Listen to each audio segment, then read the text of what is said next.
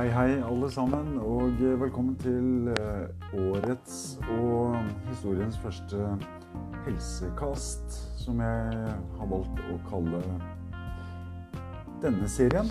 Og sesongen med helsetips eh, direkte levert fra meg til dere. Mitt navn er Tage, og eh, jeg er egentlig født i Trondheim, men jeg havnet nede i Telemark på Notodden til slutt etter en lang, lang reise fra A til B og fra B til C. Vel, vel, i dag skal vi ta for oss uh, K-vitamin, som alle sammen sikkert har hørt om. Håper at dere hører meg nå. Håper at uh, dere vil like kastene som jeg lager om helse. Litt nyttige tips nå og dag. Det er ikke så veldig dumt å få med seg. Vel, vel. Hvorfor K-vitamin kan være farlig hvis du tar varfarin? Vi skal prøve å forstå matinteraksjoner litt mer nå. Og hva som skjer med kroppen, og spesielt hjertet, som eh, da helhetsmessig går på hvis du er en person som tar blodfortynnere hvis du er en eh, hjertepasient som eh, tar blodfortynnere som varfarin, eh, kolon komadin Her må du være forsiktig så du ikke overdriver vitamin K. Blodfortynnende blir ofte foreskrevet for personer i fare for å utvikle skadelige blodpropper. Hvis du plutselig øker inntaket av vitamin K-inntak i kostholdet ditt, kan det få en utilsiktet konsekvens. Det kan faktisk redusere effekten av varfarin, sier kardiolog Leslie Cho MD. Ja, dette er jo fordi at vitamin K er en viktig del av den kjemiske prosessen for å danne blodpropp i kroppen, sier hun da. Så fint. Ikke kutt vitamin K helt ut. Du vil ikke kutte vitamin K helt ut, da det er til stede i en rekke sunne, næringsrike matvarer. Visste du det, forresten? Disse inkluderer bladgrønnsaker og mange grønnsaker. Da må du heller eh, være smart med hvor mye vitamin du bruker. Vær konsekvent og samarbeid f.eks. med legen din for å finne akkurat den rette balansen. Vi kan gi deg et eksempel. Hvis du f.eks. spiser en diett rik på vitamin K, så kan det hende du må sjekke blodet ditt oftere eller ta mer varfarin. Eh, hvis du endrer kosthold og spiser færre matvarer som inneholder vitamin K, så kan det hende du må ta mindre varfarin. Så det blir en sånn dobbel effekt her. Så vi ser helhetsmessig på det. Eh, snakk litt med legen din om hvilken dose som er riktig for deg. Eh, skal, jeg skal ta også gi deg tre tips som hjelper deg å håndtere vitamin K-inntaket ditt på en veldig, veldig trygg måte. Vi skal eh, gå i eh, gang med en nummer én. Og eh, her eh, velger jeg å bruke litt overskrift som 'Vær oppmerksom'. Vær oppmerksom på matetiketter for å holde vitamin K-inntaket konsistent. K-vitaminmat kan inkluderes i kostholdet ditt regelmessig så lenge du er oppmerksom på porsjon og holder det totale inntaket av vitamin K-rik mat konsistent. F.eks. så kan du velge å ha en vitamin K-rik mat hver dag, hver uke eller tre ganger i uken. Så lenge du holder deg til denne delen og frekvensen konsistent. Hvis det er nødvendig, så kan du også inkludere regelmessige kilder til vitamin K i kostholdet ditt. Med legen din, selvfølgelig. Det er veldig viktig. å, og eh, samarbeid med legen. Eh, jeg er ikke noe utdanna lege. Jeg gir bare tips til hvordan, hvorfor og hvor og, og hva skjer. Eh, eh, Fortell gjerne legen din litt om hvilken mat du spiser med høyt vitamin K, og hvor mye av maten du spiser. Å være kunnskapsrik om vitamin K det er en nøkkel til å håndtere kostholdet.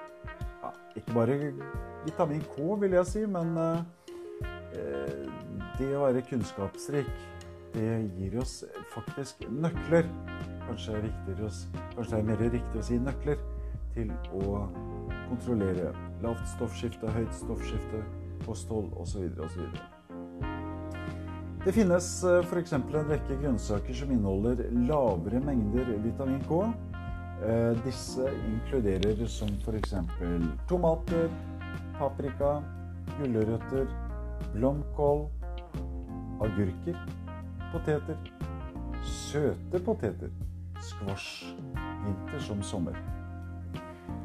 Isabsalat er lav og romani er også ganske lav, så folk flest kan spise enten, spise enten de daglig. Eh, I tillegg så må du lese etikettene. Husk det, folkens. Husk det, husk det. Les etikettene på multivitaminer. De har varierende mengder som eh, vitamin K. Hvilke vitaminer bør du ta? det bør du egentlig rådføre deg med lege om. Egentlig. Ikke fordi at legen vet best bestandig, men det er alltid greit å samarbeide litt med lege. Det kan være lurt. Og som vi sier, to hoder tenker bedre enn ett. Vi skal over på eh, punkt to. Vokt deg for urtetilskudd og omega-3 kosttilskudd, EPA slash DHA. Du må kanskje unngå visse kosttilskudd og vitaminer for å holde blodverdiene stabile. Snakk med legen din om alle kosttilskudd du tar, for å være sikker på at det ikke forstyrrer blodfortynnede. Skal eh, rett i gang på punkt tre. Ta blodfortynnede på en jevn måte. Ja, hva vil en jevn måte si? En annen måte å eh, håndtere hvor godt blodfortynnende midler fungerer på, er å ta dosen varfarin på samme tid hver dag. Det gjelder vel egentlig det meste av medisiner, eh, folkens. Alt du tar av vitaminer og medisiner, ta det til samme klokkeslett. Da får kroppen og funksjonen og effekten av medisinen får da en jevn, jevn, jevn bevegelse. Og Og ja jevn strøm hele dagen.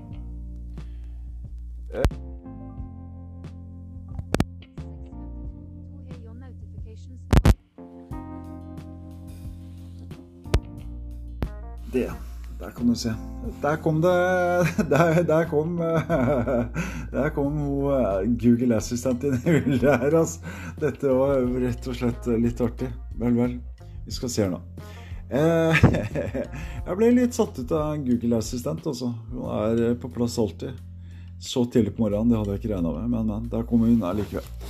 Eh, for å være sikker på at eh, du er på rett spor, så må du kontrollere blodverdiene regelmessig vanligvis en gang i måneden hos legen, sies det. Dette kan ofte være under dosejustering. Dosejustering, yes.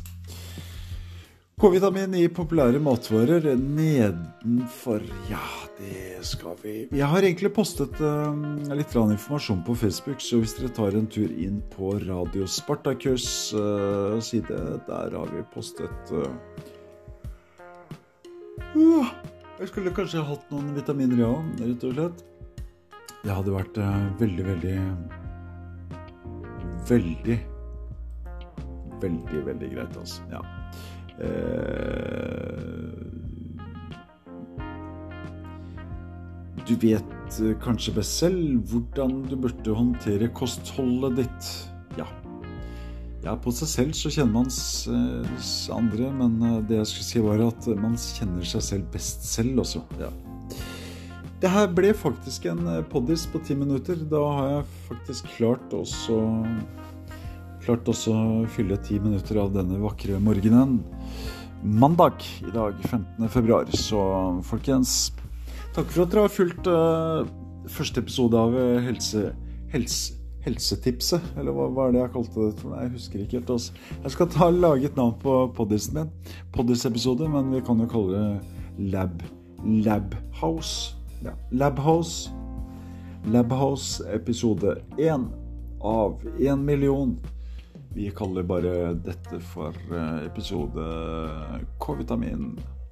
Ja, K-vitamin.